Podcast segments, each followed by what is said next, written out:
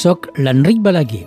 Es visitem, us porto a visitar a la Catalunya Nord petits museus, centres d'interpretació, col·leccions particulars.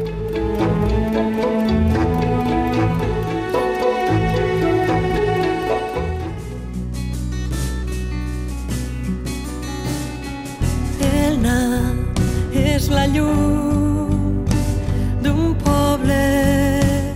Avui anem a la maternitat d'Elna.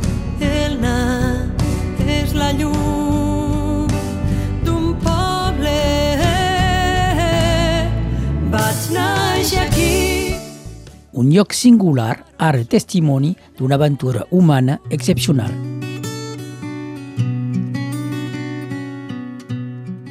Aquesta història va sorgir del, del passat fa uns menys de 20 anys ara. ara.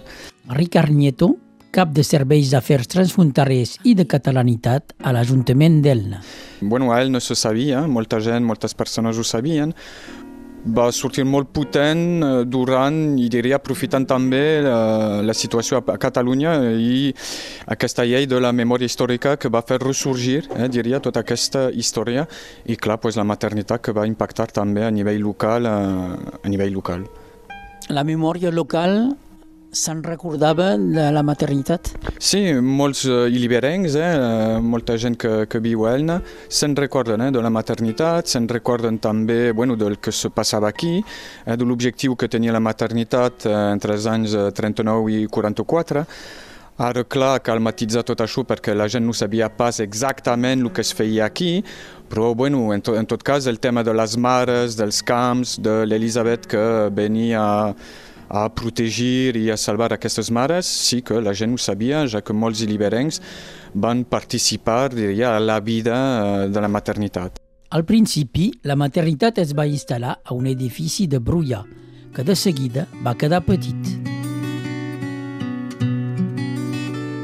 Sé poc de Brullà. Era, jo recordo que em va dir no hi havia corrent. Assumpta Montellà, historiadora i autora dels llibres La maternitat d'Elna, ara llibres 2005, i Elisabet Eidenbenz, més enllà de la maternitat d'Elna, ara llibres 2011. Uh, era un xató molt bonic, uh, semblava que no hi vivia ningú, hi havia un senyor que feia, manava unes vinyes i ell ens cobrava el lloguer, després va aparèixer un dia el senyor i ens va dir què fan vostès aquí? I va ser aleshores, com, sense, per no buscar més problemes, no volíem causar problemes, teníem ja doncs, la casa de la, de, del castell de Verdú i en allà de seguida vam començar a buscar les gestions per poder anar allà, no? Que allà va néixer la primera nena, això sí que se'n recordava molt bé, de la famosa Pepita. Parlem del lloc. És un castell? És que diu aquí un castell? Sí, correcte, és un castell.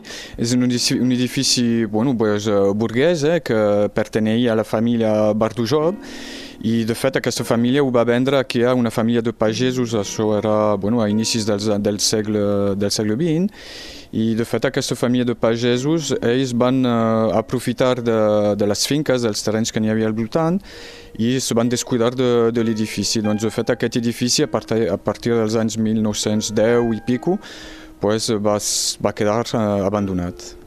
El castell de Bardú és obra de Viggo Dorf Petersen, construït al 1900. Assumpte Montellà es recorda el primer dia que va venir al lloc on fa anys s'havia creat una maternitat. No hi havia ningú. Hi havia una piscina construïda aquí davant, hi havia un cotxe aparcat, vaig cridar i aquí no sortia ningú. I quan ja marxava pensant que ja preguntaria qui vivia en aquesta casa, la casa es veia arreglada, per tant aquí segur que hi vivia algú. Vaig veure que en una de les parets de la façana, del que donen aquí, a llevant, doncs hi havia una placa, m'hi vaig apropar i en aquesta, casa, en aquesta placa posa en francès en aquesta casa, sota la tutela d'Elisabeth Eidenbenz, han nascut 597 infants. Fins als anys 90 eh, aquesta història va ser tapada, no hi havia cap difusió, diria, d'aquests fets. N'hi ha tres persones eh, que estan involucrades en, eh, en aquest procés. N'hi ha l'antic propietari, l'últim eh, propietari que va comprar eh, aquest edifici, N'hi haurà també doncs, una persona que ha nascut aquí, el Guy Einstein, eh, que va néixer aquí, que es va topar amb el propietari que llavors va comprar l'edifici. El propietari, el senyor Charpentier, vidrier, va explicar a la senyora Montellà com s'havia passat la seva trobada amb Guy Epstein. Estava fent aquestes obres i va aparèixer per la porta un senyor, un senyor gran, que em va dir que era jueu, de nom Dick Eckstein, i em va dir que havia nascut aquí. Em va explicar una història fantàstica, que la seva mare, embarassada d'ell, la perseguien els nazis, es va amagar en aquesta casa i una tal senyoreta Isabel la va salvar. I diu, finalment la meva mare em va parir a casa seva. Diu, estic buscant els meus orígens. I ell va dir, una gran història. Diu, però la mare sempre em recordava que no vaig néixer jo sola aquí, eh? Van néixer moltes criatures, crec que gairebé 600. Vaig néixer aquí. L'altra persona clau en el projecte de la valoració del lloc és el que era aleshores batge d'Elna Nicolás Garcia. Ell mateix eh, bueno, té una història personal eh, que està relacionada amb la retirada i l'exili i la Guerra Civil d'Espanya. I doncs, eh, bueno, pues serà aquestes tres person persones que eh, faran possible eh, el fet que ressorgeix del passat aquesta història. Si vols, farem, eh, començarem una passejada Sí. dins d'aquesta maternitat. Eh, Un lloc eh, que és una mica separat és- estem a un parell de quilòmetres. Sí, bueno, diríem menys de 5 quilòmetres a peu del nucli, del casc, del casc antic i del nu nucli urbà. Uh, està una mica retirat, però cal saber que ja fa un par d'anys que la maternitat és el monument d'Elna que aporta i que acull el més de visitants. És a dir, quants visitants per any? Bo, estem sobre una tassa d'uns 35.000 visitants i enguany, enguany estem sobre un any d'homenatge, ja que són els 80 anys de la- de l'homenatge a la retirada, i de fet eh, enguany penso que ultrapassarem els 40.000 visitants. Doncs entrem dins aquesta maternitat. Primer, doncs, eh, com a tots els llocs, una recepció, Correcte, un espai eh, d'acollida, una recepció, bueno, pues amb el personal, una botiga també que es dedica justament a tots els llibres, les publicacions, que siguin de forma llibre o bé, o bé DVD, ja que tenim també un documental, bueno, un documental, una ficció que es va produir a Catalunya i que relata de fet la història de la, de la maternitat. Doncs de fet també tenim una botiga que es dedica a fer la promoció de la història i del lloc. una primera cosa a mà dreta quan entrem a un bust. Això és, un, és, un, és una persona bueno, que està relacionada amb la, la, hist- la història de la maternitat que va dedicar a aquest retrat a, aquest, a l'Elisabet Enemens, que era l'antiga directora de, de la maternitat. L'Elisabet Eideben, la persona clau d'aquesta maternitat. Parlem una mica de, de la seva història.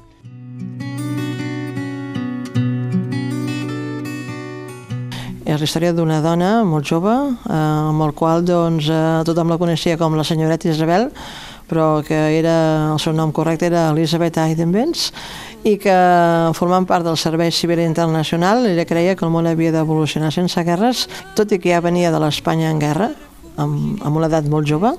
La seva formació acadèmica és magisteri? Uh, ella allà comença a aprendre sobre la marxa el que és l'ajuda sanitària, sap el que és doncs, uh, netejar una ferida, desinfectar-la, embanar-la. Va continuar la seva trajectòria seguint les persones de la retirada i un cop va veure el drama de, dels exiliats a França, amb aquells camps de concentració com Argelers com a punt de referència, se'n va donar compte que havien d'ajudar els més desvalguts. És evident que la seva educació era filla d'un pastor protestant luterà de Zúrich, això la va marcar molt, a fer un caràcter molt ferm, molt rigorós, molt exigent i molt autoexigent, i el seu pare sempre havia donat l'exemple no? d'ajudar sempre els més dèbils, doncs la, la va marcar, la va marcar i va continuar fent la seva trajectòria dins del Servei Civil Internacional primer, després amb la Creu Roja, eh, amb aquests valors. Per tant, ella portava una gran preparació, no només intel·lectual, no només acadèmica, sinó també una preparació humana, eh? i això crec que la, la va catapultar per portar aquesta casa, la maternitat, eh, amb aquest punt tan, tan llunyà de que realment fer-ho 597 vegades de manera sistemàtica eh, fa que sigui una gran història, no? I això realment fa pensar.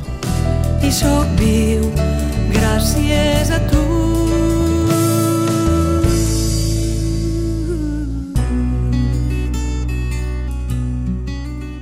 Estem sempre doncs, a, la, a la primera planta, a la planta baixa, on eh, després de les obres, perquè la maternitat va tancar un any i mig, entre el 2011-2012 fins al 2013, data quan es va tornar a obrir, Doncs arribem aquí a la planta baixa amb eh, bueno, una distribució que eh, ha permès de organitzar un espai que es dedica a tot el que és audiovisual i un altre espai on eh, es fan els tallers pedagògics eh, doncs en direcció del, dels escolars.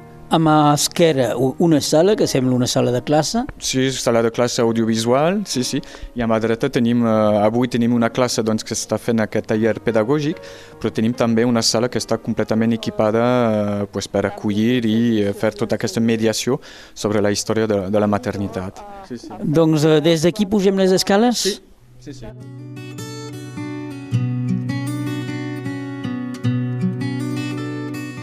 Amb el Ricard Nieto de l'Ajuntament d'Elna estem a punt de pujar les escales.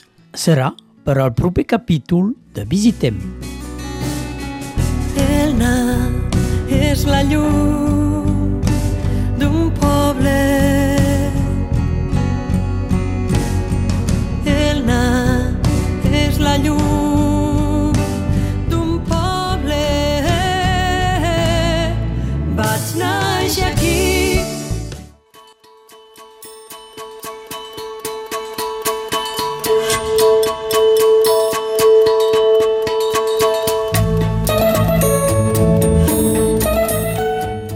Visitem, realitzat per l'Enric Balaguer, amb les veus de Ricard Nieto i Assumpta Montella. La cançó d'il·lustració és Vaig néixer aquí, de Montse Castellà.